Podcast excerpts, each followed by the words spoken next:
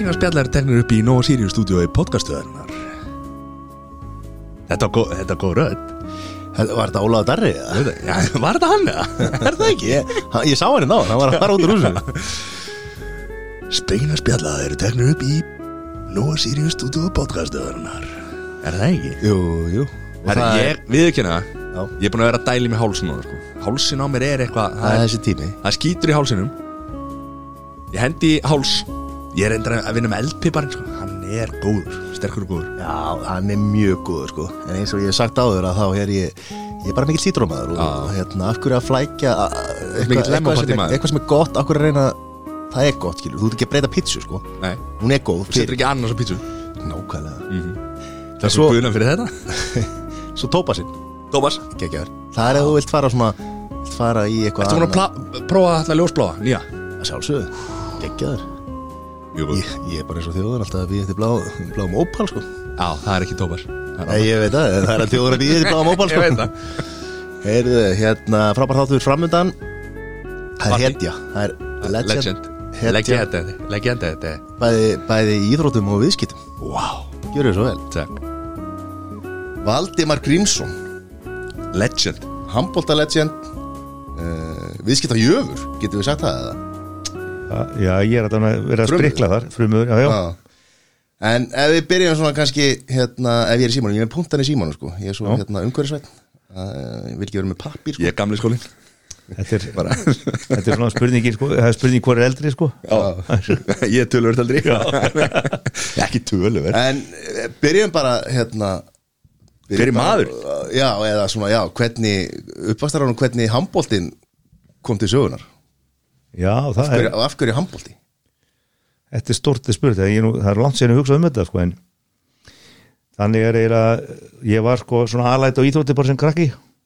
Fyrtaði öllu og handbólti var rauninni kannski frekar aftalega í svona forgarsöðun til að byrja með. Síðan hérna kringum svona 15 ára aldur þá, þá hef ég að spila svona sem er, er ég eiginlega svona fyrst og fremst í, í fótbólti og körubólti í Ármann og, og bæði þessi liður er mjög sigursæl og en Ármann sko fer eiginlega í svona þrótt með körbáltleitina og ég var eiginlega það mikill ármengur, ég gæti ekki hugsað mér að skipta um annað félag. En ég settist niður með pappa gamla.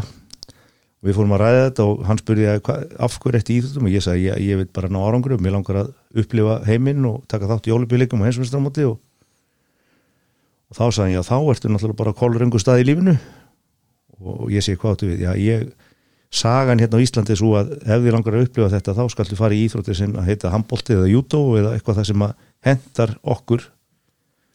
Og það var ég uppáðast eða þá fór ég og byrjaði bæði í handbólt og jútó þá um höstið og valdi það sem aðalgreinar ásand fótbóltanum og hérna síðan gerðist þetta bara eiginlega mjög hratt að átjámanuði setna þá var ég komin í unglingalandslið og, og tveimur á setna í alandslið og, og hætti þá semst fótbólta og jútó Ertu 15 ára hann þegar þú ákveður? Já, þá bara skipti ég um gíru Þegar ég var 15 ára var ég ekki að spáða frá ólubílunum sko.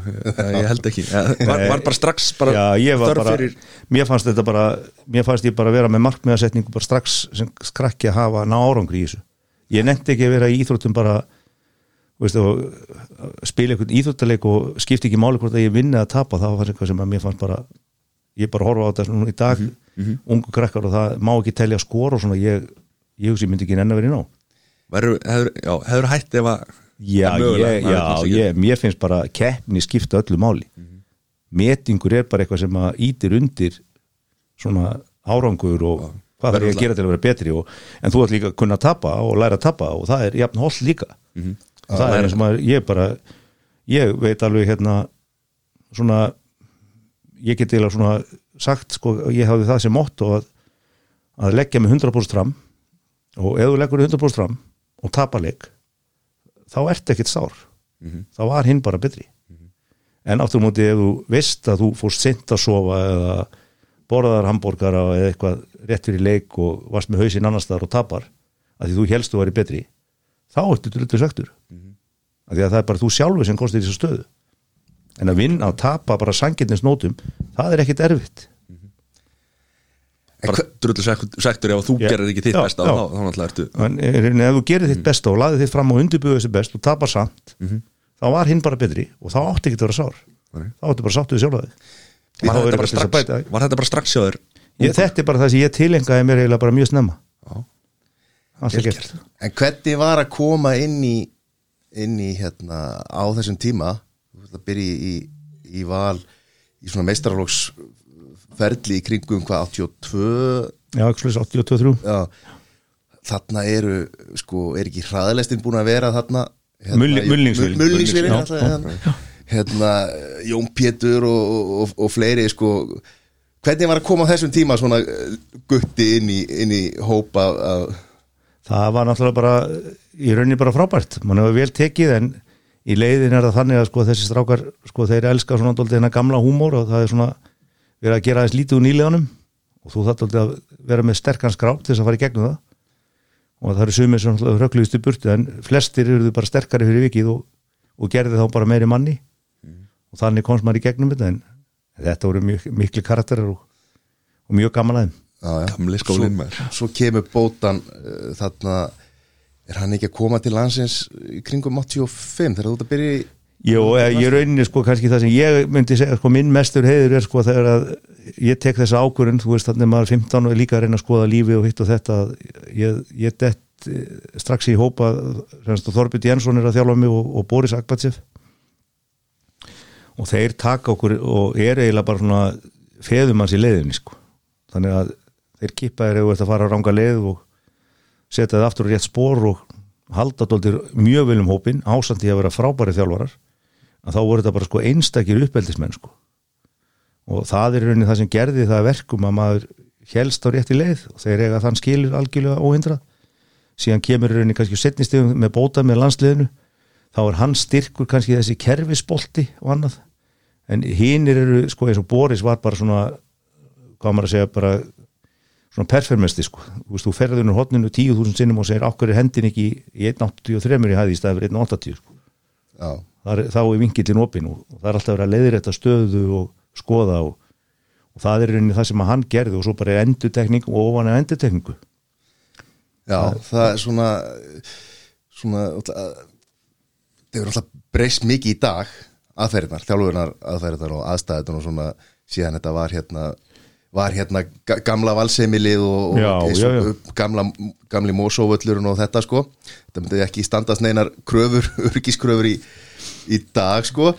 En þetta var líka svona þetta var svo, þú veist þarna, þú veist, Viggo vantarlega mikil fyrirvind, Viggo Sig á þessum tíma og, og Geir Hallsteins. Þannig að ég skil alveg valdir handbóltana þegar við, jú, við áttum þetta Pétur Guðmus í, í körfu Já, ég með mitt legend í körfinu var náttúrulega Jón Sigursson það var svona þarna, þegar ármenninga verið Íslandsmeistar hvað 1976 að það var hann og Síman Ólafsson og, og Tími Rotses þetta var svona, svona eitt að hæ momentum körfubóltast, það var þetta ár þarna 76 þarna lendaði þarna trukkurinn í káir og Tími Rotses í slagsmálum og, og Gunsteinn er rótaður og þannig að þetta, er svona, þetta var svona alvöru byggarúsleikur sko. Já. Þetta er svona, þarna kom svona moment og þannig að það var mikill uppgangur þannig að þetta var svona fyrstu árin þar sem að semst, Amerikana voru leiður í körunni þannig að þetta var svona og svo bara fór þetta sína leið. En, en þú hafðir engar skilur það var eiginlega engin framtíð sko upp á það að upplifa þetta stóru komast að stóra svið. Já, og ég gerði mér alveg grein fyrir því að þó ég sem er mikið mennsku brjálega þá vissi ég það að ég get ekki keft á móti þessum NBA snillingum sko. Nei, og líka á þessum tíma þá er heldur sko ekki lítil framtíð í fótbolta allar lands, landsliðslega séð á Íslandi? Nei, bara sko almennt var bara sko tekjulega séð var, var bara íþróttir eiginlega bara lokar þessum tíma, þetta breytist bara þegar að bossmann málið er sko kemur í vil leikmanna. Það er unni skilu, bara til 1990 er einn útlendingu lefur í Þískalandi og einn ein til tveir á Spáni. Og núna með að vera veist, bara einu öðrupassambasins eins margir og vil, vilt, þannig að atvinnutækinu er allt, allt önnur í dag en þetta voru. Og það skiptir engum mál hvað segið til handbólti, fótbólti eða körubólti sko. Og þá, náttúrulega þú varst í námi með fram já, og, og, hérna, og vantarlega í vinnu líka. Og hvernig heldur í dag heldur, heldur að þú hafir orðið uh, þú náttúrulega náðir eins langt og hægt var að komast á, á, sín tíma. Heldur að þú hefur orðið öðru þessi leikmaður í, í dag ég bara, maður veit að ég er ábyggilega sko, ég er að menna að er þannig að hérna sko maður var svona sko, þau hugsaði kannski professional en maður var áhuga maður sko. Þannig að maður var bara, þú veist ég, maður, vann bara sína tíu tíma á dag og tók svo æfingar annarkvæmt fyrir æfingar eða eftir æfingar og svo kvöldmatur eftir það og svo hitti maður börnin eftir það ef, að, ef það var eitthvað vakandi. Þannig að þetta þótti maður bara eðlilegt og svo þegar maður fór í atvinnum sko, þú veist um þrítugt að þá bara letist mér sko. Að vera bara að æfa tvisar á dag og hafa fjölskyldun yfir sér og enga vinnu og ekkert streð. Það var bara allt og gott og auðvöld líf. Þess vegna snýr ég eiginlega heim aftur. Já, þetta er alltaf ótrúlega sko. þá fara menn í golf. Reyna, reyna að eigða tímanum. Það er alveg en þú veist, já, það er náttúrulega sko þú hefði þá kannski ekki farið í, í nám með eins og bara eins og leikmenn í dag þeir fara ungir og þeir er ekki að hugsa um, hugsa um námi Ég tók eiginlega ákvörðu strax þegar ég var í þessu bara leðu ég kláraði. Ég ætlaði mér að klára háskólanám og ég ætlaði að koma fyrir vinnulega sér. Og þannig að það var alltaf svona, svona í forgang við sportið. Þannig að þegar ég var að fá tilbúð erlendis frá svona, þá ítti ég þeim eiginlega frá mér að því að það, ég var ekki tilbúin. Ég var ekki búin að kannski klára skóla eða ég var ekki búin að ná mér í atvinnurrenslu. Það var eiginlega ástæði faktisk fyrir að ég fór svona sint út að þá var ég, ég var kannski fyrst þarna tilbúin bara, þarna var ég búin að reka fyrirtæki, búin að fara í gegnum eitthvað, búin að klára skóla.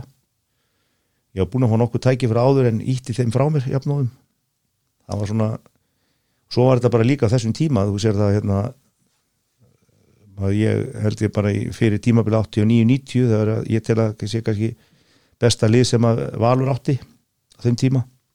Líklega bara besta handbóltalið sem Íslandi voru átt þá var bara stefnan að verða Evrópumestari mér langaði bara að vera Evrópumestari í handbólta á Íslandi með íslensku liði.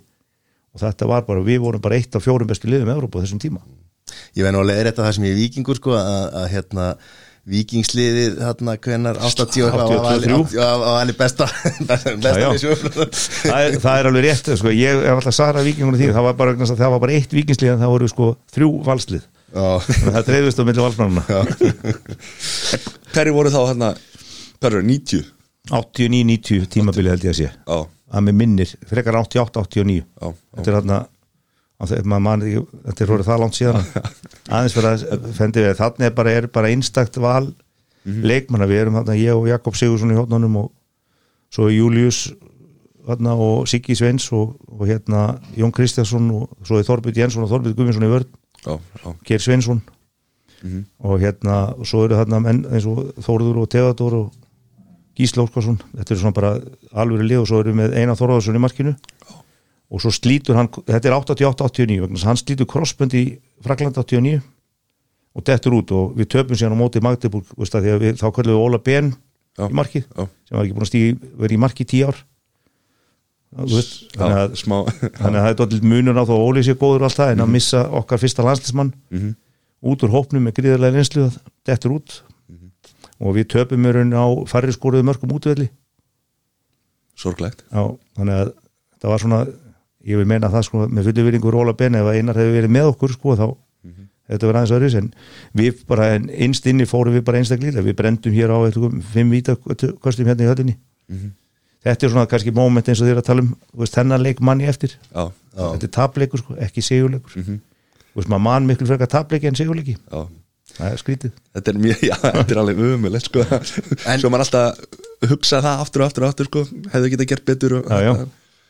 Þú fer síðan sko í káa já, var það ekki pínu pínu landráð gegn val Jú. margar rimmurnar hann þetta var í rauninni sko, sko bara einstaklega erfitt en ástæða var þetta að ég klára hérna skólan og hérna og hérna er í vinnu þarna sem og svo fyrir fyrirtekið í greiðslustöðun þannig ég verði eiginlega atvinnlaus þarna og fæ ekki vinnu í Reykjavík þannig að hérna, það var eiginlega svona undirstæðinu og að fara út eða semst flytja á Reykjavík og flytja á Norður.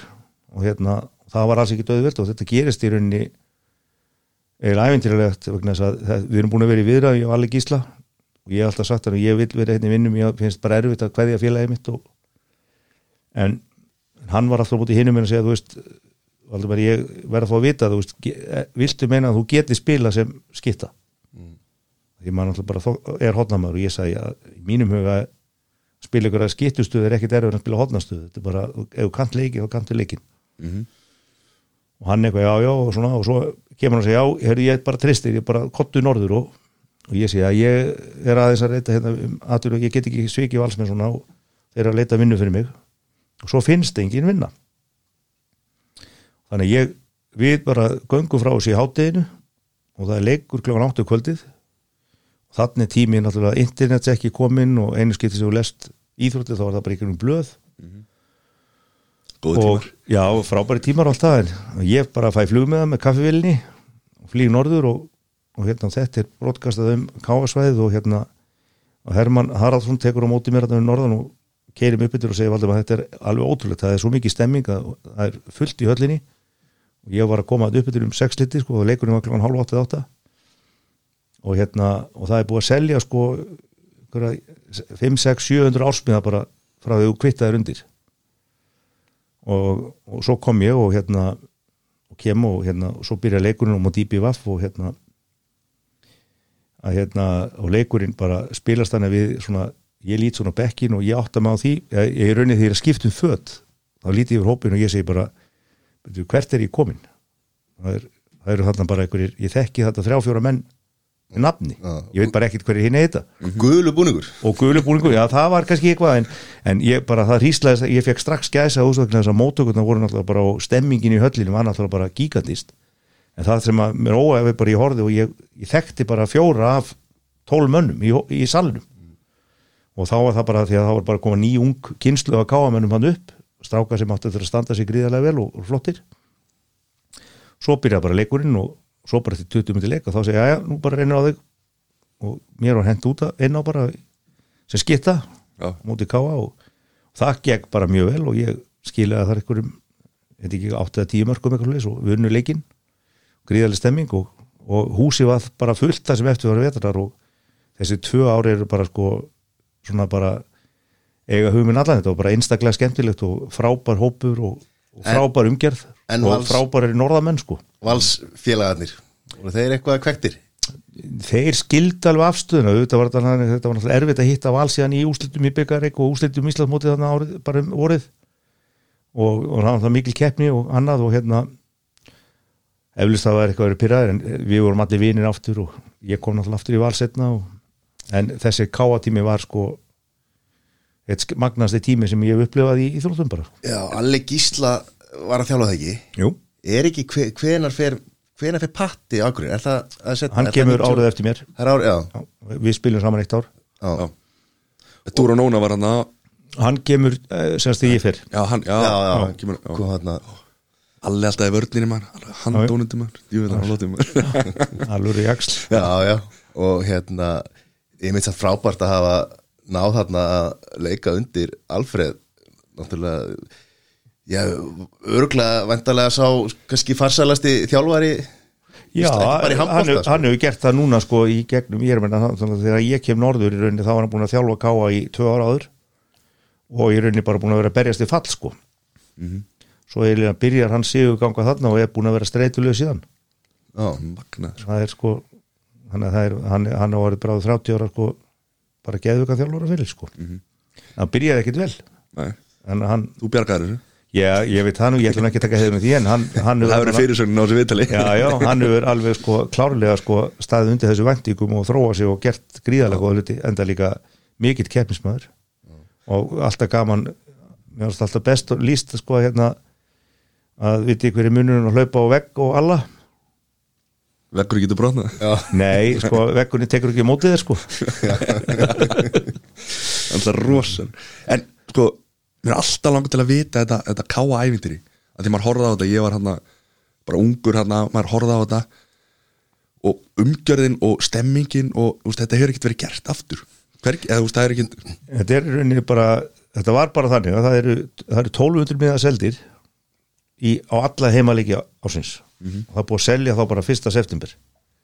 Og þegar við mætum í höllina kortir í sjö þá er svona opnað í leiðinni og þú klæðið þig og lappar út og lappar inn á öllin kannski svona 5-10 minnur í sjö. Þá eru bara komin 1200 manns í húsið. Af hverju var þetta? Og, hvernig og þetta var bara geggjuð stemming og það voru allir bara þáttakut og þetta var svo mikið, þetta var bara ein stór fjölskylda og, og bara áhugin var bara, það var í eina átt skilju, það var bara, við ætlum að vera guðlega glæðir sko. og það tókst. En veistu eitthvað af, hvernig þetta var gert eða hvernig var ég bara spáði af hverju núna ég- fer bara handbóltaling og það er kannski eitt, tveir og ég held bara að það sem að Alli gerir þarna held ég fyrir þetta tímabil að hann kaup semst, að, að káa ákveður það fjárfesta í Sigmari Þresti og mér.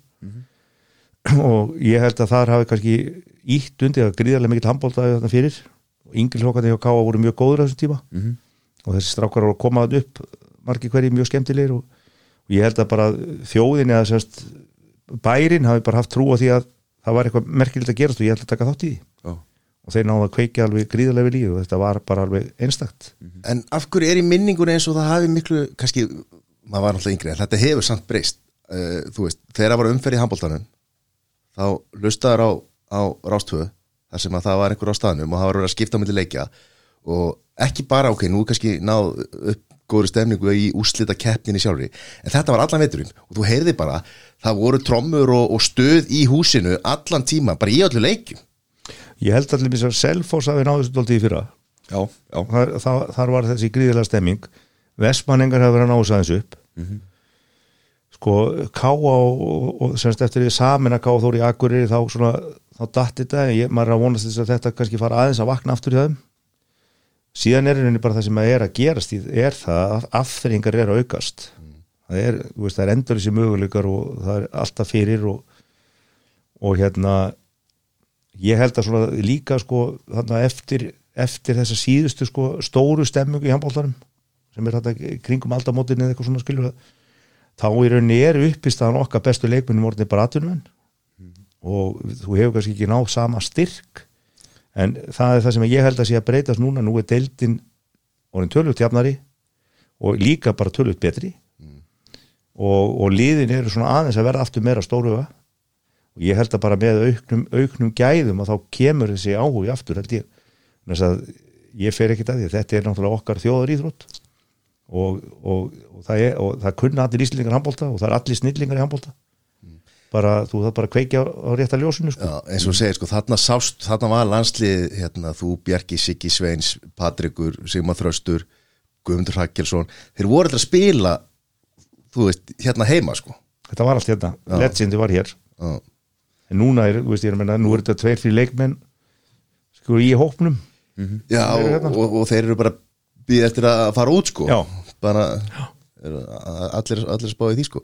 En ertu með einhver skýringar á því að örfendi menn hafa alltaf verið svona eiginlega bestu leikmenn Íslands? nei, það er bara alltaf að síkja við það við séum góðir. Ég meina þú, Bjarki Sig og Óli Steff, Já, já, Alexander og Siggi og Stjáni og veist, við eigum alveg endalust af góðum örföldu leikmönum og hérna kannski getur það verið þannig að ég er að minna við erum, við fáum meiri spiltíma í gegnum ynglokkana og þannig að við fáum kannski meiri reynslu það er einn möguleikin genetist er þetta þannig bara að örfendi menn og Íslandur er einstakir.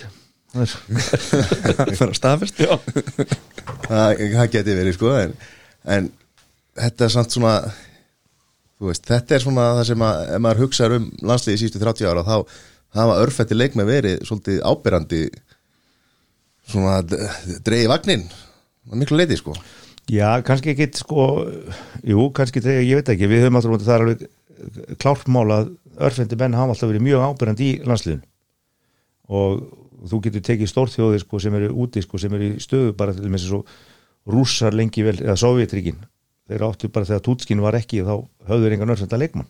Mm -hmm. 200 miljón konar þjóð sko, skilu þannig að það er alveg hérna það er bara staðrind sko. Var ekki bara hérna, Gunnar Beintein sem gatt var réttendur í í já, hægri já, gummi gum. Já, gummi gummi náttúrulega. Já, já, já. það er, það er, alltaf þetta- geggjaði með hérna með svona stórar hérna félívar og er, svona þetta er olbúa lífar á flestum. Hver, þegar þú fer inn í landslið, hvað hérna, hverjir eru þá svona, ég kem í, í, í landsliðsópin hérna 1984 og það er sko, þá eru mikla breytingar. Semst, að, semst, bótan tekur við landsliðin á oktober 83 já, og þá í rauninni hendir hann út eiginlega svona endalega gömlu kynsluðni Jóhann Ingi skipti þessu mikið út og Hilli tók þetta aðeins aftur tilbaka.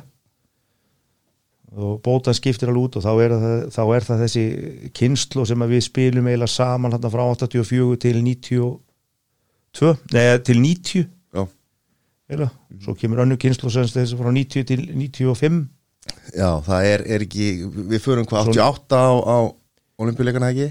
Við erum í, förum á Ólipilegan 84 og, Nei, og Sviss 86 hérna í HM og svo Ólipilegan 88 Já. þessi ár. og svo er, vinnum við sagt 89 í Fraklandi Já, þannig að já, svo spilum við í Tek og 90 og það er svona síðasta mótið þá verður mikið lendin í já Og þú, hérna, nær þarna mismunandi kynsluðum og þegar þú ert alveg til 2000, þarna er að koma svo er að koma upp Dagur Sigursson og, og hérna það er, það er, Óli og, já, það er 95-20 skynslóðin sko, sem þeir alltaf áfram sko.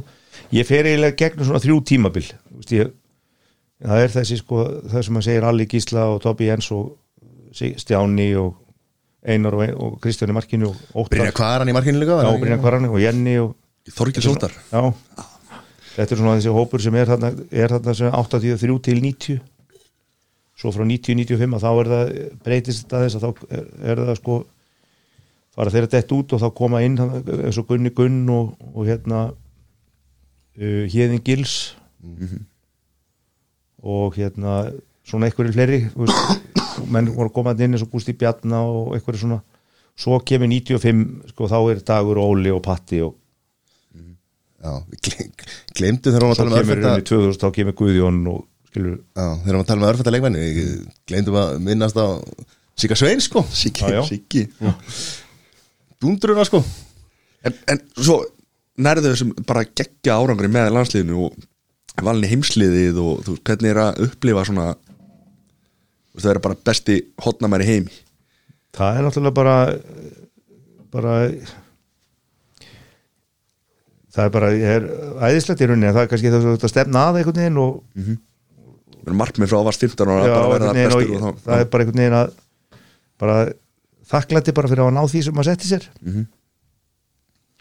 það, þú veist, og svo bara kynnast þessu ungur það er bara mjög gaman og þetta var það sem maður, vildi og það er það sem ég hef alltaf ráðlætt eða þú veit með metnaðan fyrir íþjóðdóma þá áttu að reyna að hugsa um afreiki nummer 1, 2 og 3 og leita þannig og fá að standa á mómenti eins og ég segja hlusta þjóðsöng og draumur var náttúrulega helst að hlusta þjóðsöng eftir sigur. Það fekk maður ekki en það er eitthvað svona sem að já ég var í dag aftur þá myndi ég einsetja með það að segja heyrðu, áður ég verð allur þá bara vil ég bara sjá þjóðsöngi spila eftir mót, ekki fyrirleik já, Já. og náðir, náðir heimsmyndstarmóti hérna heima á um 95 já, það var endalega hérna hefur verið, allan að það voru við með áhörðu með okkur sko og, og það var mikið stemning í kringu, kringu það mót sko. Þó hafi nú kannski ekki verið margir á hinum leikjónu sko sem voru ekki Íslands hérna, leikir Íslands sko. Já þetta var það var sko, það var uppselt á alla leikju akkur þannig að það var alveg það voru sko, en það voru, hérna leikinni reykjavíkuleikandir hérna, hafnaverð og Kópaví voru ekki nógu stóri riðlar. En það var svona allir gríðarlega vombrið það mót í rauninni getulega séð og það má, hef ég alltaf sagt að hérna í, sko, við, við, við skrifum undir að við ætlum að halda mótið 1988 við erum að koma frá æfingamóti frá Hollandi í 29. desember 94 þá er lesið upp að hérna já, í rauninni við erum á leiðinni til Hollands á æfingamót. Þá er okkur tilkynnt að það er búið að taka af okkur HM og, og það er ekki örugt að við fáum að vera með í Hollandi því við vorum ekki með nokkuð árangur. Leiðinni heim og þá er okkur tilkynnt að HM verður haldið. Og þetta er náttúrulega bara pólitík og, og var farið rosalega illa með verkefni sem okkar undirbúið í sjö ár. Pólitíki skemmdi það í 6,5 ár og svo átti handbóltin að retta þig á 5 mánuðum. Þetta er hluti sem að ég hef aldrei getað sætt mig við. Ef þú tekur eitthvað þá áttu bara á þjóðin og, og, og landin að einbyttis að gera það vel. En þá ekki að vera í skotgröfum að reyna að skemma og, og gera hindranir. Vegna þess að and bara, ég held bara hérna atgerfi leikmanna var bara, ég sjálf að sé jafn lélegt eko hjá leikmönnum eins og að HM95 sem átt að vera bara og átt að vera draumurinn. Á, á, allt út af bara langvarandi pressu ég meina, ég bara sem dæmi er það, ég man eftir því að Þorbergur aðastöðsson sem er að þjálfa þarna hann fer, hann kemst ekki á tvær æfingar sem við erum að æfi í janúar vegna þess að hann er í fjáröflun. Já, við erum að þjálfara lausi sko, landslið Íslands. Þetta er náttúrulega ekki hluti sem að er bara í lægi sko. Þetta hefur alltaf við, sett verið við, við viðrið, verið, hvernig segir maður það? Viðriði Já, hérna, handbóltan, HSI, það er oft verið að setja maður að sér hérna, set síma númer á, á skjánum að vera að sapna fyrir sko flugmiðanum heim Já, sér, já, bara frá því ég man eftir mér og þetta er, er ennþá töði daga þá er sko 80 til 85% fyrir hási er sjálfsegna fyrir þessi þjóðin er að styrkja og stjórnin er að í rauninni betla. Mhm. og það er náttúrulega er hlutur sem er sko sem sko eins og ég segi þjóðaríkt og búið að vera stolt okkar síðan bara 1964 frá því kemur í tekku að það áður náttúrulega að vera á alltaf stað. Ég meina svo, Það er bara svoleiðis. svo þegar við fáum hérna silfur og eitthvað þá er bara allir ráðherrar og allir klárir og, og Já, það er allir tilbúin að taka til þegar það velgengur sko. Þetta er náttúrulega algjörlega óþólandi sko. við erum rætt að marga oft hérna með löðarsvöldin, hann er ekki Já, já það er í rauninni, þú er að taka- landsleikjan Þú er að taka fókus sko, hvernig viltu, hvað, hvernig viltu sjá þessu umhverju eftir tíu ár mm -hmm. og, og, og, það þýðir dóltið erfiðar ákvarðanir ég meina, við gerum okkur alveg líka reyn fyrir því líka, við getum ekki allstað verið besti við erum bara tefnilega 400 manns. Já, og það þarf að gera upp á milli. Afreg er bara þannig að það er mismunum og það er órætliti Mhm. en það er bara svo ákvörðin sem það er að taka. Þú getur ekki sagt ég ætla að vera bara allstaðar góður. Þú getur sagt ég ætla að vera allstaðar með. Þá er það bara ákvörðin sem þjóðin tekur þá. Bara erum við bara allstaðar með en ég er unni, við erum alltaf að tala um það hvað við erum frábær þjóð Eh, ég er ekki í sögunni núna sem er orðið 130 ár síðan ólupíuleika, við erum ekki ennþá unni ólupíuleikull og mér finnst það bara skandal Það bara, mér finnst það bara ekki íþróttaþjóð sæmandi. Við eigum að vera búin eignast ólubíkull og við eigum að gera kröfu til þess. Innan 50 ára eigum við að fá ólubíkull mér er alveg saman í hvað íþrótta heitir. Það er afrek og það er stefna sem við ætlum að gera. Og þá er það 50 ára stefna. Mhm. ekki, við ætlum ekki að gera það á næsta ólubíleikum nei, ekki fjara ára. Við erum alltaf að hugsa allt og stutt og það er, og mér er alveg sama og ég bara, bara tek hatt mér nú á þeim íslending sem gerir það fyrst og segir bara ég, þetta er bara það, þangað alltaf ég að ná Mhm. og við, það er fullt af smáþjóðum sem eru búin að ólubíkull Já, já. en þau kannski geta ekki neitt í sko, öllum íþróttu sem við erum góð í nei, nei, en það er samt, þau eru búin að fá þjóðsöngin Mhm. ekki við Já, já.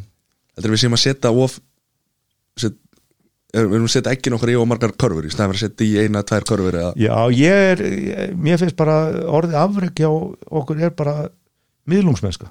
Mhm. Nei, Já.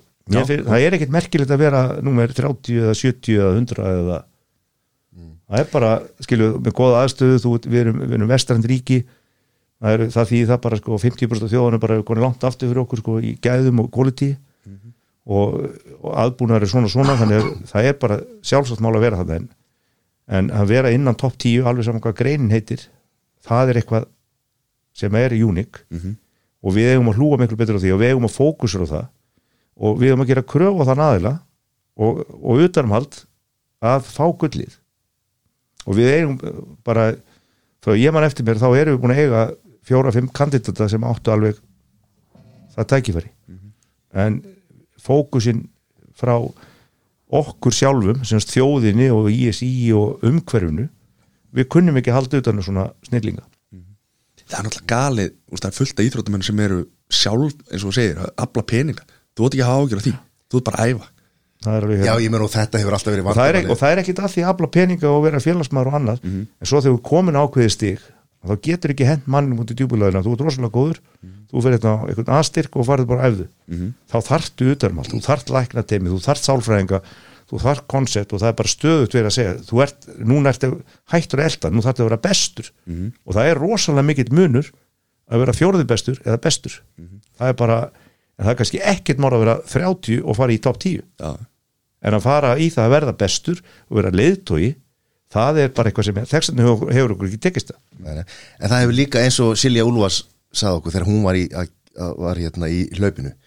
Hún þurfti bara, hún, bara í staðan fyrir að æfa þurfti hún bara að taka út tólið og, og byrja að ringja til þess að geta farið á næsta mót og þurfti að safna því sjálf og svona. Við eigum núna fyrsta, ef ekki alveg, alveg fyrst atvinnumann í sundi, Sveitn Anton. Uh, en og, þú veist, og, og allir sundmennir og þetta hafa alltaf talað um það við tölum um einstaklingsgreinarnar að, að þetta hefur verið bara til þess að geta reynd að komast í fremsturöð þá fyrir svo mikil orka og tími í bara í, í fjárhagslegu hliðina að reyna að halda sér á floti til þess að geta eftir bara fókusin fyrir í burtu og, og þú getur eins og ég segi, þú, þú getur alveg verið það, þá ertu aldrei bestur sko. þú kemst upp á eitthvað og svo bara gefst upp einhvern veginn, það er bara, þetta er á erfitt. Ég segi, förum eins og gerum eins og rússarnir það kost, var eitthvað eitthvað lifjasvind sko, ég segi við semjum við Actavis. Fyrir bara a- allt, allt ISI batterið, finnum eitthvað eitthvað gott sem sést ekki. Svo er þetta 20 ár. Bestur í öllu. Ég, ég, hef alltaf, ég ætla kannski að skora það hérna. Þú veist, ég mig langar að sjá alþingismann koma upp og segja að sá einstaklingur sem fær ólubjökull, færir okkur ólubjökull hann fær 50 miljónir frá ríkinu. Já, mér finnst þetta bara göfuð markmið. Mhm. þannig að þegar þú ert að keppa þá veistu heyrðu, ég ætla ekki að leggja á mig þarna er gulrót. Þú þarft ekki að gefa neitt fyrir annarsætið. En ef þú fær, 50, ef þú fær gullið þú átt bara að fá, það kostar 50 miljónir þjóðin að fá þjóðsvöngin já og ég held að það sé alveg hverja krónu virði. Engin al... Ég meina, þú sér það bara eins og frakkarnir. Þeir eru hlæja að Íslandingum sko þeir að vera, hvað færið mikið fyrir þetta mót? Já, já. Hlæja, ég þarf örgla að borga flug með að minn heim sko. Já, já. þeir bara, hvernig nennir við erum með þetta stolt, við erum með allt til alls skilur en að sjálfsögða að vera bara peningavelum fyrir Já, þetta er bara eitthvað gulrón ég er mér þetta, þú veist, og ég, ég er bara manna glaðastur ef ég væri allþykismann að koma með þetta frumbab og, og ég myndi sjá það upplifast og ég væri lifandi. Já, já. Já, En það er engin, engin stjórnmálaður barist almennilega fyrir íþrótt og síðan Gunnar Birgi sem var að reyna að koma bóksinni sko. það hefur ekki ekki En svo, ég meina, í CrossFit þar eru með stelpunar, þar eru bara Það er samt doldið öðru vísi sko, vegna þess að sko, það er svona doldið auglýsingadæmi, það eru náttúrulega frábærar það má ekki miskilja mig. En þegar þær þú fá fullt af peningum. Já, það er fá fullt af peningum. En það er líka, það er sko skeilu, þetta er svona Mhm. sjó. Þetta er ekki sko, þú ert ekki bundin ólipjurhefingunni og þú veist eins og það eru 184 greina sem eru bundnar ólipjurhefingunni, hvort sem þú séu ólipjurleikum ekki. Já, já, þannig að þá ertu komin í svona doldið meiri struktúr og komin með svona lög, allskins dót. Mhm. Og þú þarft doldið að halda þér inn að þeirra hrafa semst í þessi bara, þar, það er reglugerðinar Mhm. og svo aftur móti getur eins og crossfit er sagt, ég ætla að koma því inn þá bara tekur það ákveðin tíma og svo bara tettu það inn þá er það hluta af starfseminni en nú er þetta meira eins og bara bíómynd sko. skilju, þetta er bara svona eins og hérna Gunnar Nelson í, Mhm. þú veist, í ringnum sko, skilju, þetta er bara, þetta er sjó þetta er ekki, þetta er kannski ekki auðvitað er þetta íþrótt en þetta er ekki viðurkjönd í þessum skilningi sko, í þessum kassa sko. Já, já. já. Svo, ég meina, eins og Haldur hérna, Haldur Helgason í, í Snjóbretta. snjóbretta, þú veist, Já, já. einn af fremst í heiminum sko. það er okkur svona svipað koncept sko, en þeir eru að koma því núna inn í þeir voru núna síðustu vetrarleiku með sko síningar þegar þannig að það er að detta þar inn Já. Já, já, já hann geti fengið 50 miljonir við erum bara erum bara að gera þetta sjálfur þetta- bara. þú veist að vera með eitthvað sjóð Nei, þetta er svona, þú veist, ég, mér finnst þetta dóldi svona að vera í mínum huga er þetta sko 50 ára stefna sko. Mhm. Þú veist, ekki næstu ólupílikar eða? Við þurfum að búa til ykkur bara línu það er, veist, ég meina þegar þú ert kannski strákur 10-15 ára í dag þá bara velur fótbolta vegna þess að það er endalisi peningar, það er beint fyrir fram að þig ef þú ert með skýra stefnu afreiksstefnu og þú segir bara, mér langar að vera afreiksmaður þá kannski koma fjórar eða sex íþóttugreina þar á eftir þegar maður, þú segir, mér langar að vera þar vegna þess að það er sta, staði við mig þar. Og svo kannski fyrir þetta neðar. Þetta er einhvern veginn greint. Í dag er þetta engin greining, eina sem er bara eru þú farið miljard sko, ef þú verður svona? Hitt er bara einhvern veginn. Já. Það- veist, þetta er daldið og þetta er ekki, þetta er ekki svona rétt markmiðasetting, finnst mér bara persónulega Við hefum eftir að eignast heimsmystara bara í hérna, e-sport, svona einhver raf, raf töluleik Já, já, einhver töluleik það, það getur bara vel verið að það gerir slíka þá. Já, ég held þessi að reyna að stefna því inn að koma því inn í íþróttarhefingur þess að töluleikjum og það er bara frábært þá er það bara, já, já. En eh, það er náttúrulega líka að því að við, þetta blandast væntalega saman, við vorum að tala um áhörundur, áhörundur á kappleikjunum sjálfum og þú nefndir afturreifinguna nú bara sjómar, tölvuleikir og, og ímislegt kannski meira freistandi fyrir 10, 12, 13, 14 ára krakka veist, kannski bara spila eitt leik í kvöld í staðan fyrir að, fara niður á hlýðarenda sko. Ég, ég bara sé þetta bara á krökkunum mínum, þú veist, þú dettur í tölvuleik og, og þá býður námið í klukkutíma sko. Veist, það er bara, þú gleymir þér í stað á stund sko maður skilur þetta alveg sko og meðan að kannski þú varst bara að býða bara hvað gerist næst og það er kannski þrítaðar í það. En maður var strákur. En þú beðist alltaf vikun eftir, eftir, eftir já, þetta er bara þetta er dóltið öðruvís í dag sko þetta er, þetta er alltaf allt annað já, sko. er miklu meir um að vera og En svo, svo ferðu, sko, þú, þú ferð tvö ári í, aturumennskuna í Þískalandi og eins og þú sagðir á, kannski svolítið setna þegar þú varst hérna, bara með aðra skuldbendingar hér og nám og hana eh, En er þetta ekki samt fegin að hafa allar að ná tveimur, tveimur árum á erlendi grundu? Jú, það var raunin bara þegar ég sagði upp þarna, í, í kaup og svo tilkynning þóttinni að ég ætlaði að fara út og hann spurði gerir við grein fyrir hvað það gera út í frábæru starfi og við erum hérna bullandi leið, uppleið og þú ert hérna ert bara einn á okkar líf ég sagði já bara, ég bara er að skila góðu búi sagði, en ég, ég bara verða bara fyrir mitt ego að hafa verið atvinnumæður til að geta sagt þegar ég var hann gamall kall að ég var atvinnumæður mm -hmm. það er einhvern veginn bara nöðsilegt í svo þegar ég fekk framlenging úti og þá sagði ég bara nei ég, bara, ég er búin að gera þetta og ég þarf ekki að gera þetta lengur. Var ekki erfitt eins og segir kannski í krefjandi vinnu meðfram hérna, boltanum, var ekki erfitt að jökla þessu saman? Fjölskyldu líka og Já, sko, já, ánlátt bara sko, einstaklega fjölskyldu sem að stóð gríða, hún var náttúrulega bara satt alltaf í síðast seti vegna þess að það er raunin þannig að þú verður að standa í vinnun vegna þess að það er bara reikin og gerir það ekki og svo varstu með þennan metnað semast íþróttinni og þá hafði það alltaf rosalega forgang en vinnan, bara ég byrjaði fyrir eða það var aldrei það var aldrei neitt vesinn ég bara kláraði vinnuna, ég vann bara jóladag eða ég bara leisti vinnuna og yfirmenn mínir bara í gegnum árið trestu mér. Og, og, og niðurstaðan skilaði því að mér var tristandi Já, og en ekki erfitt svona hugafarslega að kúpla sig út úr, úr kannski kræði starfi og, og í, í hérna í svona, þú veist, keppnis keppnisham? Ég, ég tilengaði með það til dæmis uh, bara, þú veist að það er raunni sko regla var, leikinni voru sko yfirleitt klukkan átta. Þannig að maður laði heima frá sér svona kortir yfir sex til hálf sjö þar á bylunu þá, þá, þá daga þá vann ég alltaf til fimm og kom heim til mig klukkan hálf sex og eldaði með mat og kona var að koma ekki heim hálf sex sex og ég veit að ég hef búin að elda með, eða hún var búin að búa kannski til matinni eða í bekja blans ég veit að þetta svona létt eitthvað kjúklingur eða pasta eða eitthvað svona dót og í 14 ár þá fór ég alltaf og lagði mig klætti mig úr fötunum og fór upp í rúm klukkan 506 og bara konin að vekja mig kortir yfir 6 öll 14 árin þá var ég alltaf að stíga fram úr þegar hún kom að vekja mig. Mm.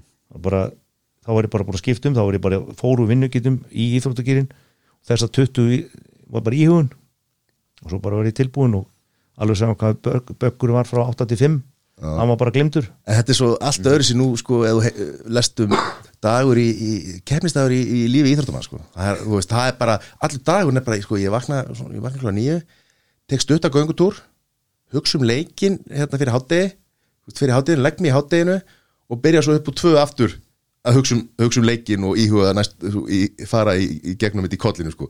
þú veist, svona er þetta í dag sko. en þarna bara, þú varst kannski bara þreim fundum yfir daginn sko. það er enga tíma til þess að vera að spá í leiknum bara, ég bara byrjaði að byrja að undirbúa leikin klukkan 506 já, þá tók ég þess að 20 minni í hugun og svo bara í leikin og svo fór ég bara að hugsa það var aldrei neitt meira ekki nöðvita en bara landslisferðum skilur það var alltaf öðruvís en þetta var bara ég tilengaði með þetta mjög snemma og, og, ég, og þá voru margir menn sem spurði mig þú veist af hverju ég sagði þetta er ekkert mál bara æfðu þið bara.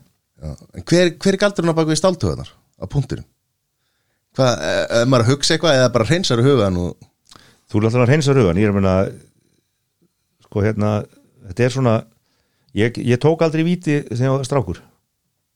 Og hérna, svo er, unni, er þetta einhverju landslisverð mann nú ekki hvenna það var að þá klikku við einstaklega mikið úr vítum og bótan er mjög pyrraður og svona eins og hann gæti verið á sin besta kant.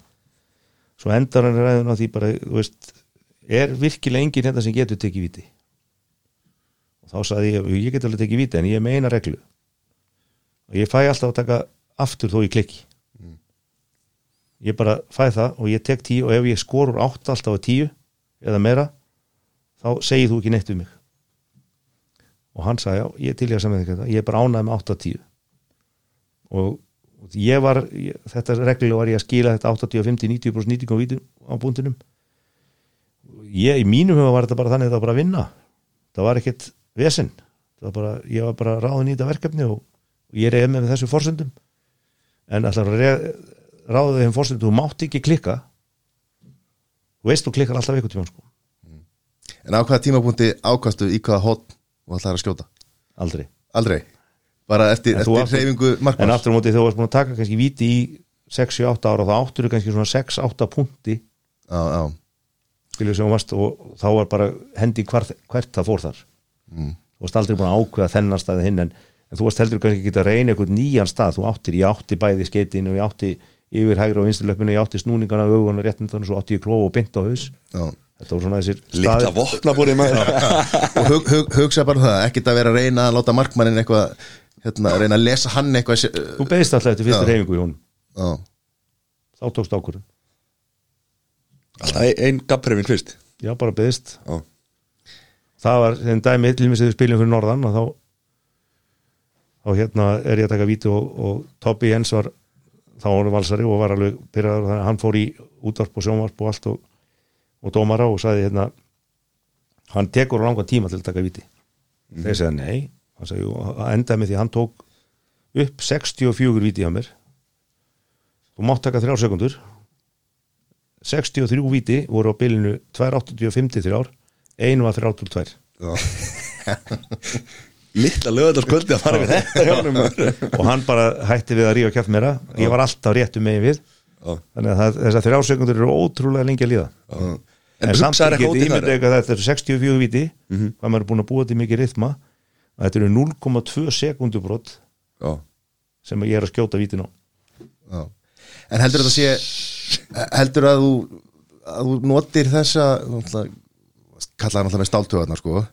Heldur að þú sér sér það nota svona svipaða heilastar sem er eins og í viðskiptum og svona, þú veist, þessi einbinding og, já, og svona heldur þetta sé að já, svona, svona byggist á sama grunni sko. Algjörlega. Þetta er copy-paste.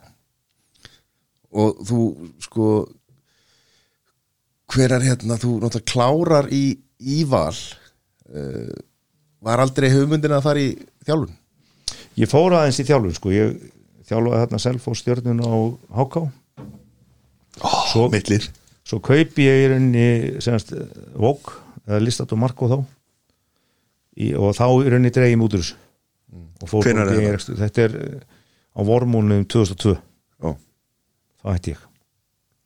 Og ákvæmst bara að svona ég var síðan með, tók í unglingalandslið 2004 eitthvað svo lis fóð með það á Európa-kefni en var ekkit erfitt eftir annan tíma að veist, eftir vinnu er, er æfinga leikur í sko yfir 20 ár?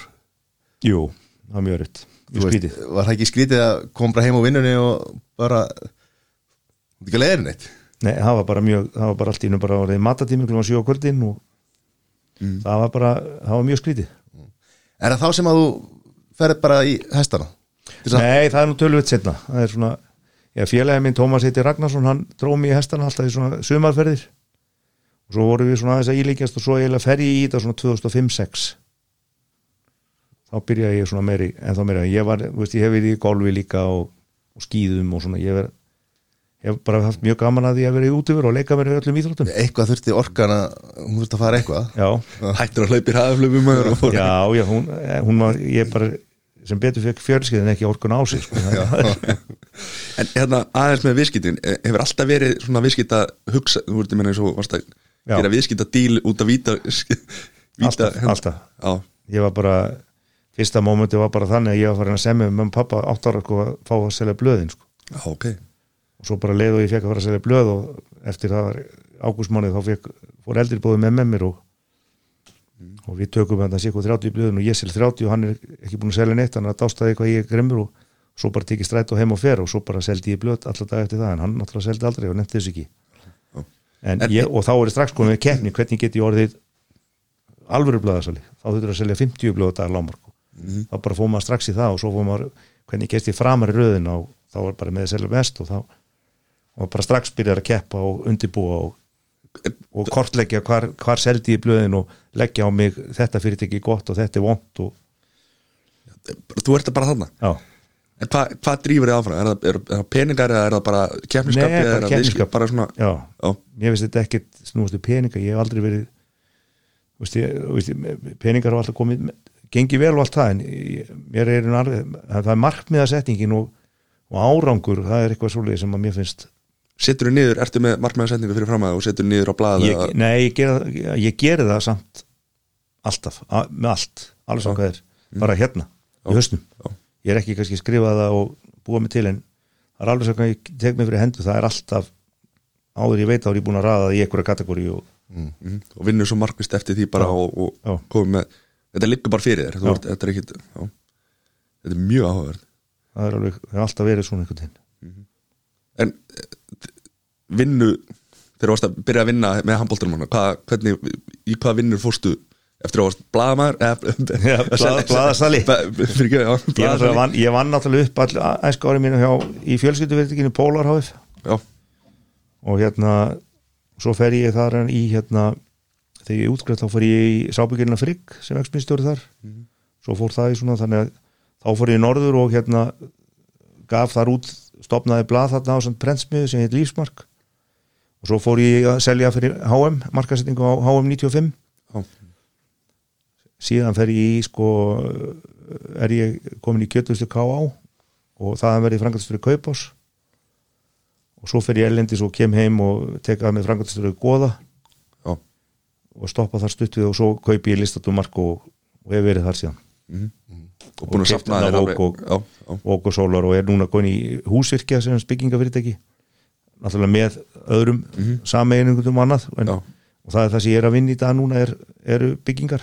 Já, ok. mest já, en ég er, er ennþá eigandi semst, og með partinum í Vóku og sólaglökutur og eru líka á Akureyri eða ekki? Jú, ég er með vestlum þar jú. Og hefur svona eins og, eins og það okkur heimlegur þróast um þessi sko um þetta stækka og, og kaupa hérna það er nokkur gluggat ekki pílu gluggatjöld Jú, það er búið að vera mikla sameiningar sko, þú veist, þetta er samansamnaðulega mörgum fjölskyldufyrirtækjum þetta fer þá leiðin að listat og mark og kemur fyrst inn og nokkur mánuði setna þá er þetta tildulega stóru húsnæð og ég sé að það þarf að gera eitthvað breytinga þá kaupum við óg saminum það og tökum og svo í framhaldi því kaupum við sólaglöggatjöld og, og, en setjum það ekki, það er alltaf reiki sem sér félag svo kaupum við Pílu og Ljóra og S.A.M. Magnússon uh, rekkjuna síðast, þetta er allt svona gömul fjölskyldufyrirtæki. Og þetta er allt bara gert í svona já, það er alltaf verið að hagraða og gera eitthvað. Reyna, reyna að búa til eitthvað reyna að fótfestu það síðan ekstra eftir umhverfi og gera gott fyrirtæki betra en maður aldrei var aldrei í vinnunni svona þú veist að því að þú náttúrulega eh, sko heimsþektur á Íslandi og, og, og stjarna? Það er það aldrei neitt áhrif á, á vinnuna kannski eins og með, með starfsmenn eða viðskiptavinni eða eitthvað slíkt? Það er kannski bara góð áhrif? Já, að vera þessi fyrirmynd, íslenska fyrirmynd? Ég hef aldrei hugsað einhvern veginn, ég hef átt, átt mjög vel með að kynast fólki og kem bara fram við alla eins hvort sem að þeim líkar vel við með að ítla við mig en það pyrra mig ekki. Ég bara er að fara frá A til B og annarkot fylgja með mér eða ekki. Og, og það er bara þessi markmiðasetting og vinna og, og ég er náð fólki vel. Ég er, held ég sé þokkalega góðu mann svona þekkjari. Og mér hefur haldist vel á starfsfólki. Og starfsfólk hefur, hefur verið mjög heppið með fólk í gegnum efina það er svona fingur mannar að handar eitthvað sem er teljandi eitthvað vandamál sko. en þessi fræð ég meina, eins og þú segir heimsfrægur á Íslandi Þú veist, hefur það eitthvað trublaði eða hefur nei, það nei, ég hef aldrei ég hef verið aldrei upplifað með heimsæðan Nei.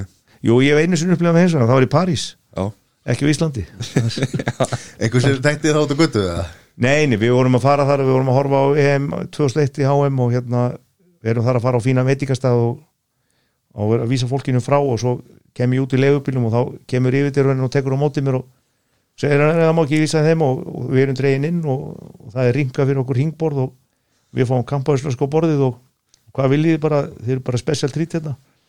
Og við skiljum ekki þetta þá eru fullt af myndum að mér sko inn á staðnum sko frá því ég spilaði með heimsliðinu. Já, ok. Þannig 95 og 97 Já, Ég held að vera eitthvað góður var viðskiptöðun hjá Vók eða eitthvað sko. og þetta bara var, þetta er svona eina skipti sem ég upplifði með heimsliðan Já, Þetta er alltaf geggja sko.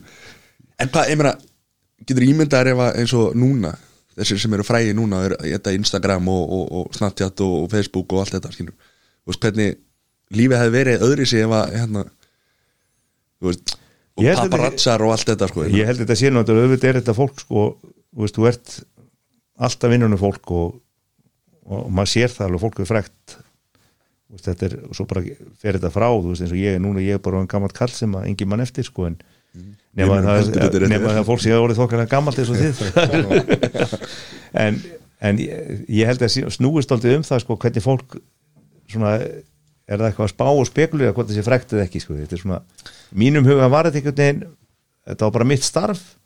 Ég, ég var mörg, mörg ára að geta tilenga með það getur að geta fagna marki og það var alltaf að segja það, þú veist, þú voru að sína leiklið, þú voru að fagna og þú voru að gera þetta.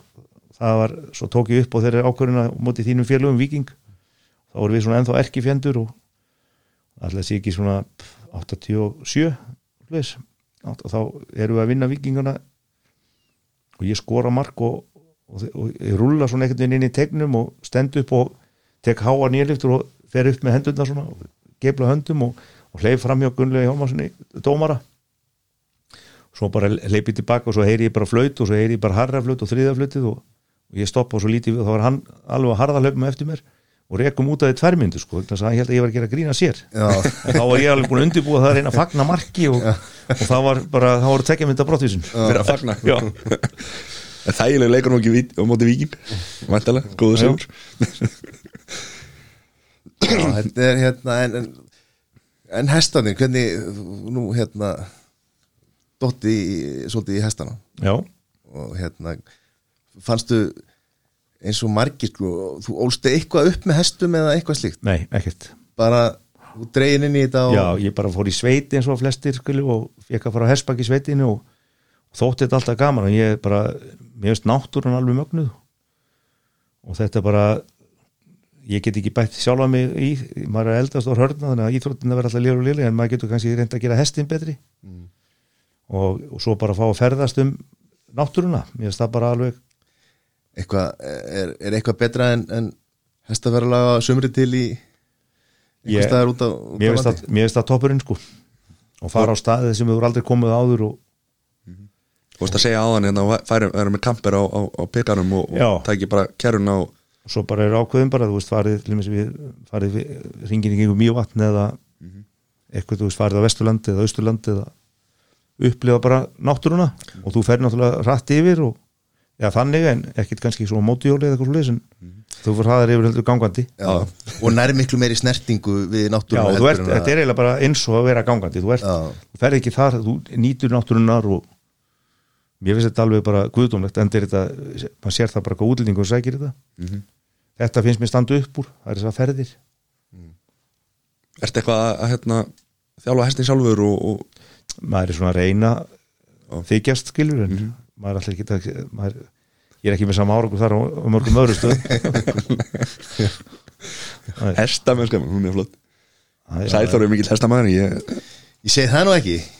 Já, svona. Þessu, ég fer einu svona ári. Og allavega. Mikill hestamæður það, er grei- það gaman þú fyrir aftur ári.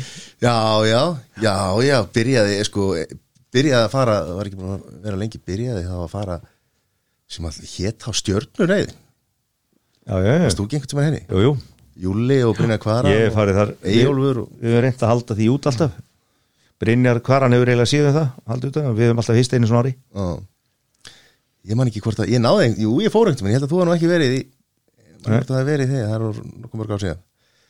Ná, mætti stjörnureyða Mætti, þér hefur aldrei búið í stjörnureyða Það er bara Ég þarf að dæli með einhverjum aðeins Já, þetta er hérna svona, þó að ég sé nú ekki mikið í þessu í dag en sko, þá er maður að fara í margar hestaferðir og, og það er þetta að vera vera, sko, sérstaklega að sumri til, sko.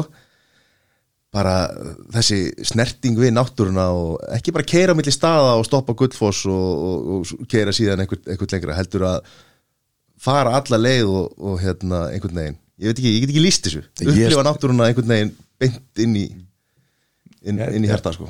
Þetta er bara, þetta er svona því sama tilningum sem að hlustar á fjallgöngumenn og, útivista fólk og sem er að, þetta er bara sama. Þetta er svona bara, þú dregur aðeð orku og, og endur nærður en gólfið? Ég er bara þar líka alveg. Já, og gaman að því. Hvað er með fólkjöf?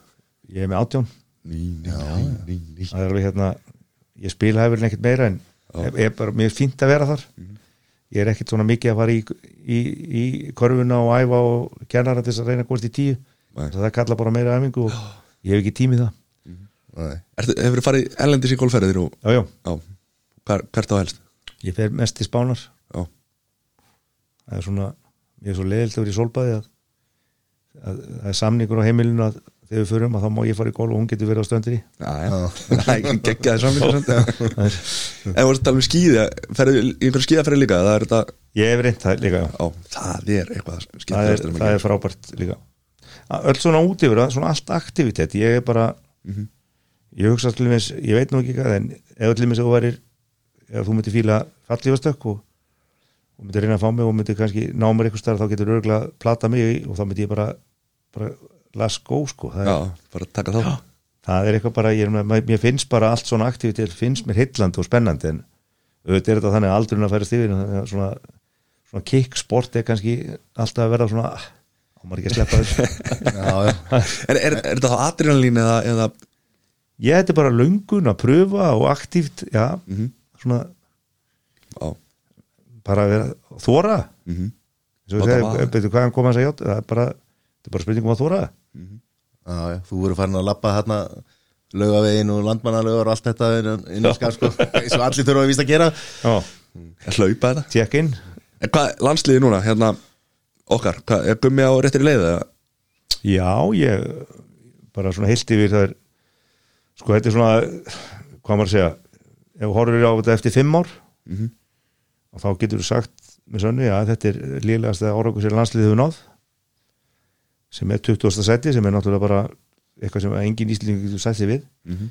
en ef þú horfir á núið þá verð ég að segja svo er að mér finnst þessi leikir hjá honum, mér finnst að vera það er gott tempo það er mikil svona er flott handbóltið það það er mikil þróun, það er, er töluð mikil endur nýjum þannig að ég er bara mjög bjarsitt fyrir hennan hóp Mhm. en mér finnst ekki það því að menn fóðu mótliti, ég er með að 20 seti er ekki gott Mhm. og hérna Þeir áttar sig alveg, eða gummi áttar sig alveg á því já, sjálfur, sko. já, en það er svona og, og gaggrin er bara góð. Ég meina góði menn bara vilja fá gaggrinni og ég Já, veit að enginn af þessum mann, mönnum hann inni er sáttu við þetta sæti. En ég aftur mútið segja það bara ég, mér finnst framtíðin alveg einstaklega björtögn það sem ég veist er mjög spennandi við þetta lið sem að hefur tótið langt senum við séð að það er bara ótrúlega mikið breytt í þessu lið. Mhm. það er, þetta er veist að auðvitað eigum við sko Aron sem er heimsklasamaður sem var ekki með. En- þrasta Já, en ok, hann er kannski ekki komið þangað en við eigum tækifæri en við erum með hann klálega sem heimsklassa leikmann.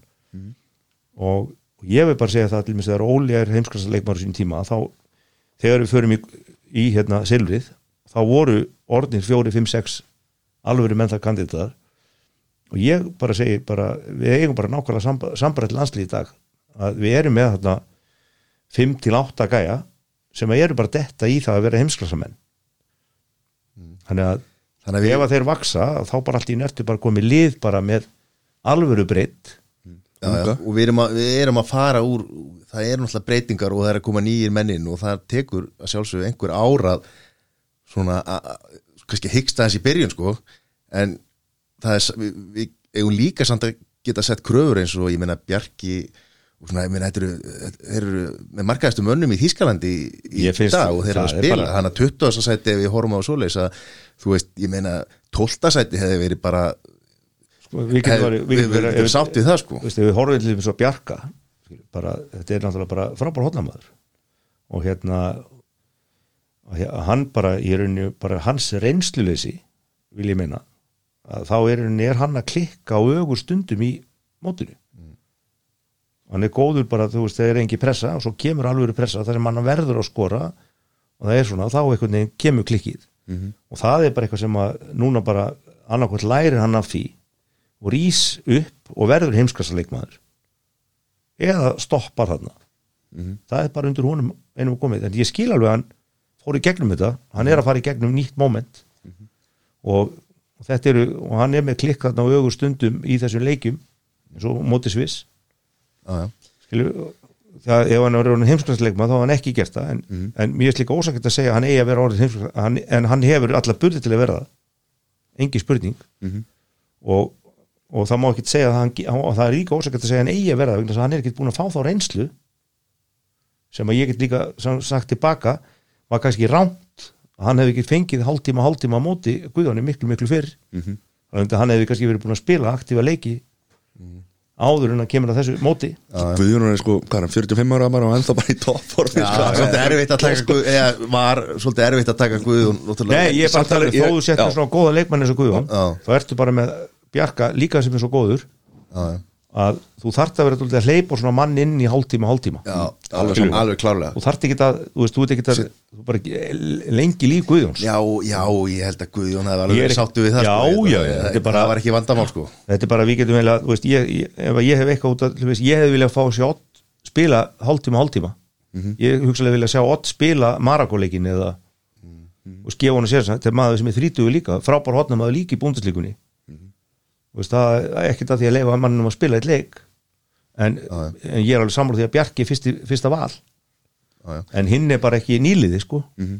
ég myndi alltaf verið sér skilja að þetta var 18 ára stráku sem var í Já. þá má hann alveg býða en hitt, þú þarft að halda þessu góðu og, en Bjarki gerir þarna bara spila frábært mót og við getum líka hort að manni svo Viggo spila einstaklega vel og, og Sigvalda og við hefum fullt af flottu mönnum en það er opast ósækjart að segja gera kröfu til þess að menna að þetta eigi að vera heimst klassa leikmenn þannig að þeir hafa bara ekki spilað, þeir eru ekki búin að fara í gegnum. Eins og Gummið sagði réttilega frá þetta eru menn sem eru kannski búin að spila 20-30 leiki á stórmótum og þú ert bara ekki komið reynslu til þess að vera komin í þessa stöðu. Þó þú hafur alla hæfileika til að komast í stöðuna. Og það er það sem ég er að tala um að þetta lið það eru ansi margi leikmennandi sem ég bara segi sem hafa hæfileika til að komast þetta langt og það hefur við bara ekki séð í 15 ár Já, já, og við getum ekki við, við erum ekki geta dæmt árangur hérna, gumma fyrir en eftir einhver ár af því að hann er í þessum breytingum og hann er að hugsa það til lengri tíma já. og ég held að sé alveg, sko, það er náttúrulega engin annar sem, sem ég myndi treysta að vera með landslið á næstu árum og, og, og þróa, hann er að þróa vörnina og svona, við kannski vantaði svolítið upp á sóknarleikin á, á þessu móti allan einhverju leikjum. Sko, það er rauninni sko Gummi er frábæra þjálfur og hann á bara að halda áfram ekkert, við eigum samt fullt af öðrum frábæra þjálfurum. Við meðum ekki glema því, við eigum alla, við eigum dag við eigum, eigum fullt af mönnum. Já. skilju, það er, veist, það er hellingu til. Og, og við höfum bara að kokki í því að, veist, við erum bara ætlum bara, þjálfara til okkar er bara það besti heimi. Og Gummi er bara einn af þeim.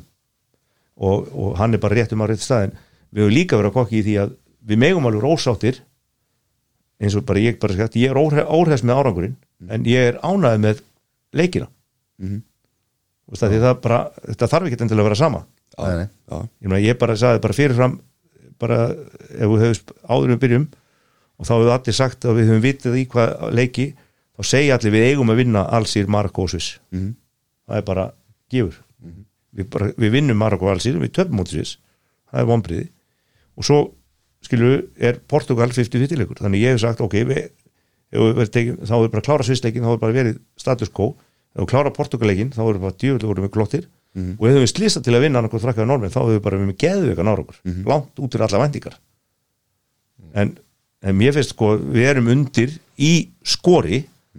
En mér finnst þið alveg vera hárréttir leið með liðið. Það má ekki miskilja punktir, sko. sko. að þetta er svona þetta er bara tvö aðskilna mál sko þetta er, og ég vil bara endilega gummi haldi áfram fylgjus eftir og ég er bara fulla því hann eftir að gera það mjög vel. En nú hefur þú þjálfað undir, undir heimsklassa þjálfara, Alfred já, og náttúrulega varst í, í liðinu með, með degi á sínum tíma. Mhm. uh, Er eitthvað skýring af hverju við hefum svona góða þjálfara? Ég meina Kristján Andrisson Dag, Gummi, Alfred uh, hverjir eru fleiri þarna sem að til dæmis voru á er Haldur Jóhann er þarna Ellingur Ritsa Erlingur Ritsason, já. og svo erum við alla Egil's úti núna sem er að gera fínt og við eigum mikil næst, ég held að þetta sé náttúrulega bara þú getur eiginlega að byrja þessu. Þetta er náttúrulega handbólti er bara þjóðum í blóðborin og Gunnardan var mjög fljót. Við tilengum sportið, við fengum strax mjög fræga þjálfara til landsins.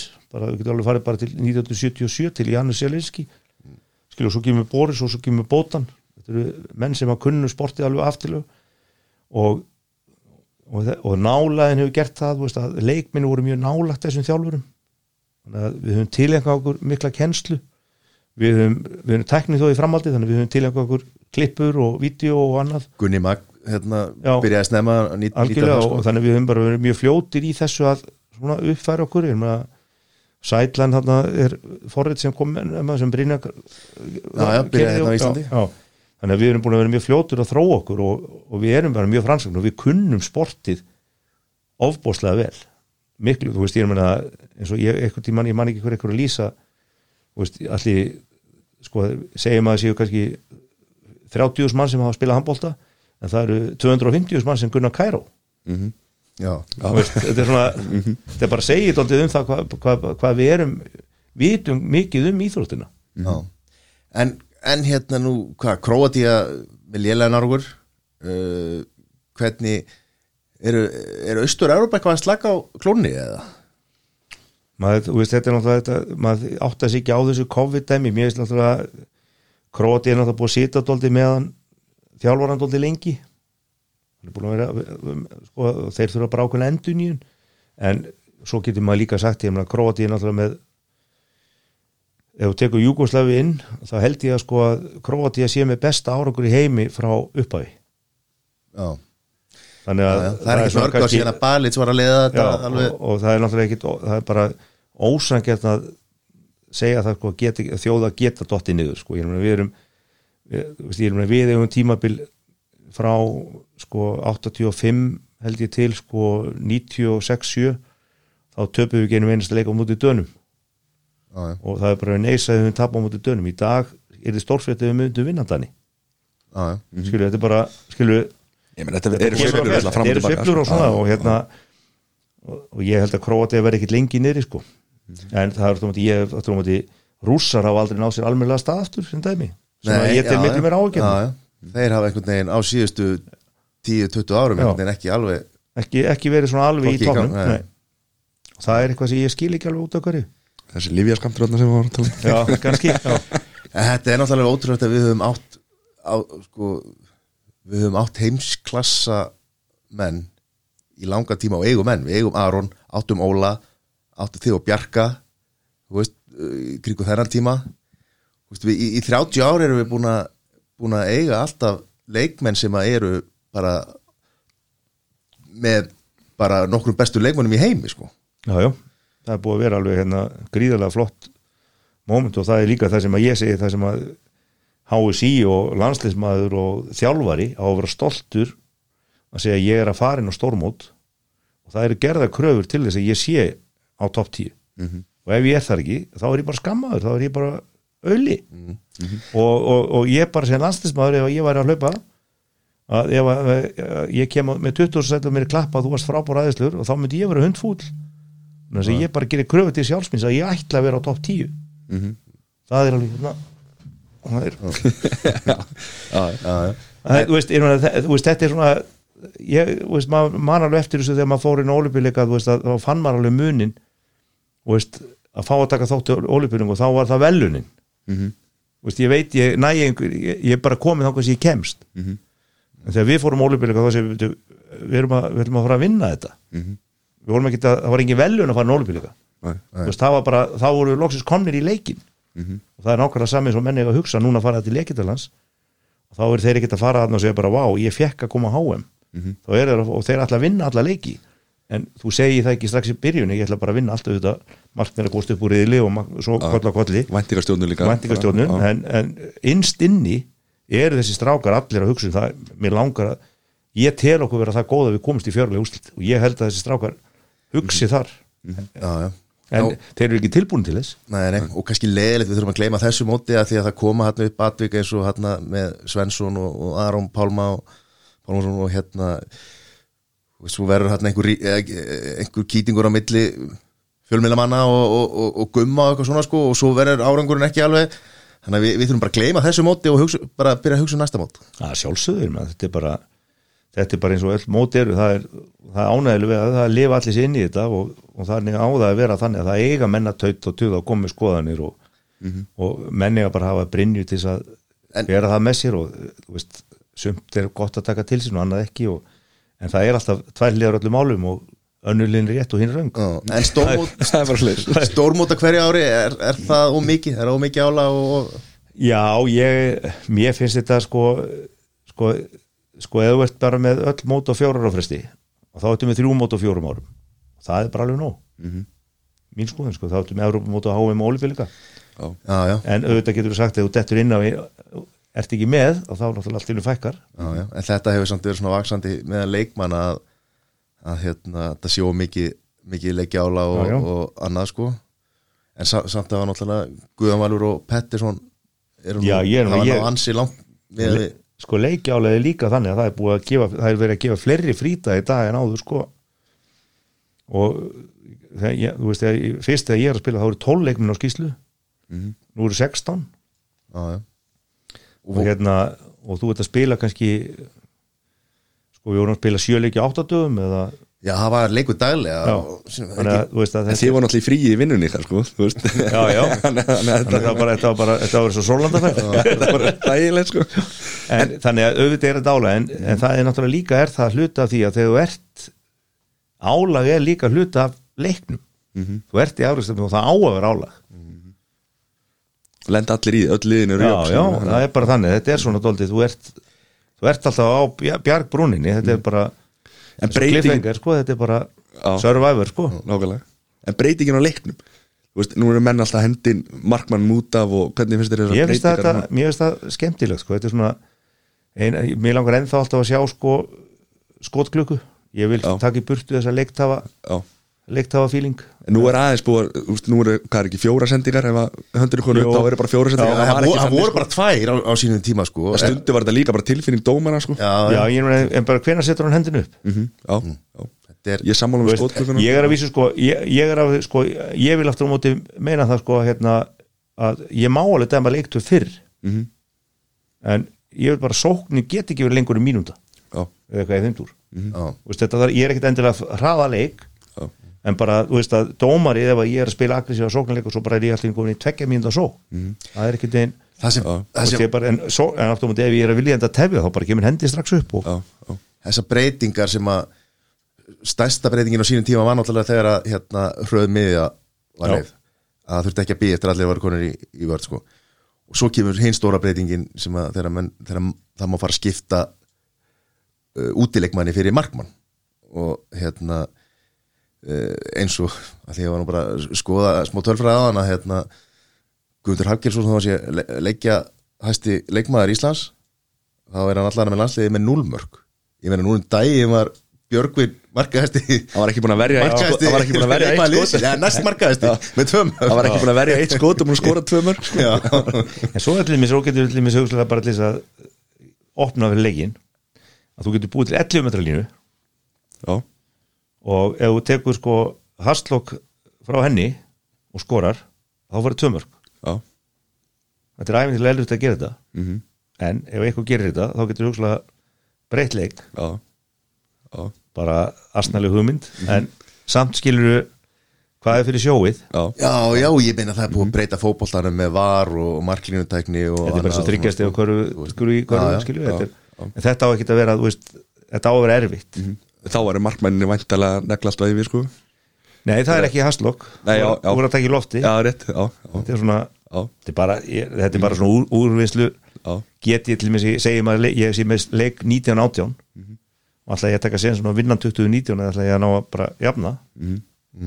Já, já. bara, Þetta er- leiknum. þetta er spurning hvort að það eigi að þetta er svona bara point taking bara kilur ég meina, ég þú veist, það má alveg gera eitthvað svona, fí- svona, eitthvað svona þetta er svona þetta er svona entertainment fyrir áhærandan Já, já, af því að handbóltin er náttúrulega að keppa við aðra aðþreyingu og, Já, já. og ég meina, við sjáum það bara í gólfinu að það er nú búið að vera umræði mörg ár hvort, að, hvort og þá hvernig á að breyta gólfinu, sko, það tekur alltaf langar tíma og þú veist, og eitthvað svona og sumir gólfvellir hafa verið að prófa ímislegt, sko, að, stækka hólunar já, já, þú veist, það flýtir leik eh, þú veist, það tekur einhver pút í burtu og eitthvað svona, því að gólvíþróttin svona á heimsvísu hefur, yfkjöndum hefur hefur fækkað sko. Já, það er náttúrulega bara gólfið að keppa við tími og keppa Mm. við, við aðra aðþreyingu og, og annað sem að fólk er að gera. Og það er kannski kannski kemur, kemur að því að handbóltin þarf að fara að koma með einhverja, einhverja já ég, held að allar, allar íþrótti þurfi sko að uppfara sjálfa sig skilu, þú þarft að vera í naflaskoðun og þú þarft að vera tilbúin að segja, heyri þetta er ekki alveg rétt og mátt breyta og, og það er henni og þeir hafa verið að þróa svona veist, ímsa varianta og það sem er erfiðast við sportið er henni hvað dómarinn er með mikið hlutverk. Mm. skilu, veist, að reyna að einfalda reglunar þannig að þú getur gengið að því, þú veist, ég meina sko, mér finnst til dæmis eins og núna er bara allt orðið bara ofbeldi inn á vellinum. Þetta var bara eðlilegt fríkast fyrir tíu ára síðan sko. Já, nú er þetta bara rautt spjald skilur mm. veistu, svona, blátt eða erksi og, og, og ég segi ok, ég meina eru að gera rétt eða er, má þetta fara eitthvað milliveg eða ég, þú veist, ég hef enga skoðun á því en, en þetta er bara þetta er bara einhver áherslu breyting hjá dómararáðinu. Þetta, það er engin áherslu breyting í rauninni í reglunum. Já, það er, bara, Það vera- nýtt inn skilur það er verið að reyna að verja leikmenn oft, það er verið að vaða í ég meina, hversu oft var þegar þú ert komin inn úr hotninu og var bara að rifi í hendina já, já, þú veist, þetta er náttúrulega bara stór hættileg en þetta var samt hluta leiknum Já. í, í galanda sko. það er náttúrulega líka, þú veist, er með svona núna allir með sig, ef þú mætir manni og ert með 45 gráður hendur beinar þá ertu komið, Já. skilur Já. það er svona, ég, er það orðið oflant gengi, ég ég hef enga kannski skoðun á þessu en, auðvitað, maður veltir þessum steinum maður má alveg spurja sjálf á sig má- skilur, þess að, Uh, má ekki í dag sko, má ekki eins og taka hérna hvað, jú- nei hérna undir hælin já, júkabræði Júkkabragðið, sko. nei, nei. nei, nei, það er auðvitað eftir með klálega hættuleg brögð Mm. en hitt er svona þetta sko þú sér það til mér í dag ég er að minna, ég brýtaður og þú fer ríku til hægri og vinstri og ég dregst upp og fer í, dreg hendin upp í andlitaður það er tvær myndur Já. Veist, þetta er nú- núll viljaverk. Og, veist, og engin ásetningur veist, það er engin hætta á ferðin sem slíkt. Er þetta tvekja myndabróttur ég, ég, ég, ég get alveg sagt já. Ég get líka sagt nei. Mm -hmm. aðalatrið það bara þá þarf þetta að verða eins. Já, þú náttúrulega upplifið það að spila við þessa við þessa e, e, þessi, þessi, þessa rosalegu hérna, leikmenn á sínum tíma sko, eins og Mulningsvílin var og Alfred Gísla og fleiri svona þessi tuttar ég segi já svona, já svona þú veist, þeir, það var, var ekki, gott að, að hérna, lendi í faðminum á þeim sko. Nei, nei, þetta var bara það voru alvöru trukkar. Já.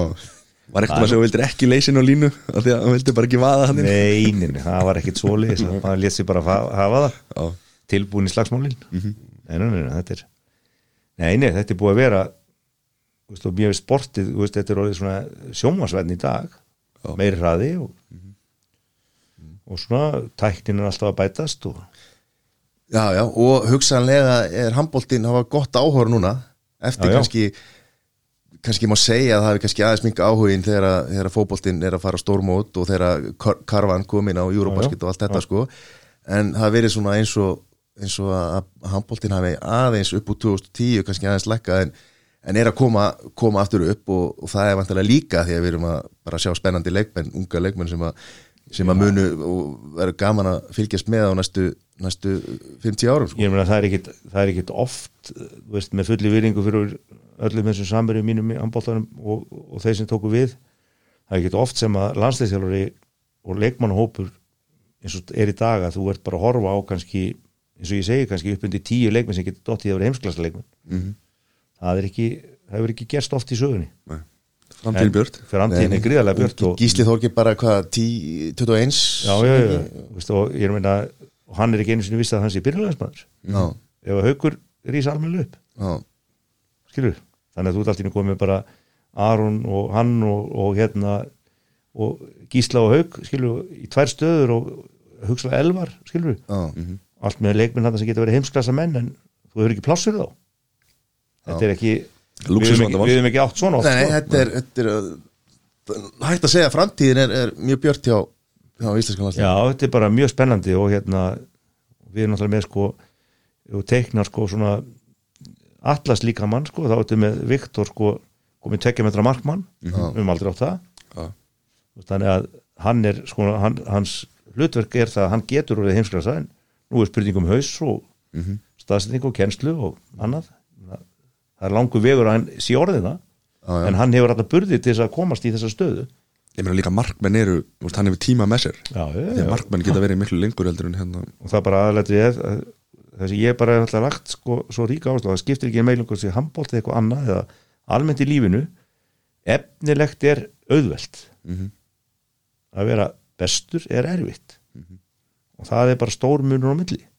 Stór skrifa, það er, það er já, það er raunni það er miklu starra skref heldur en að vera venjulegur í efnilegur. Já, það er alveg hérna og bara, maður þekki dæmið það bara að vera venjulegur og vera bestur sko, líka. Mm já, þarft ekki endilega að vera efnilegur. Já, já.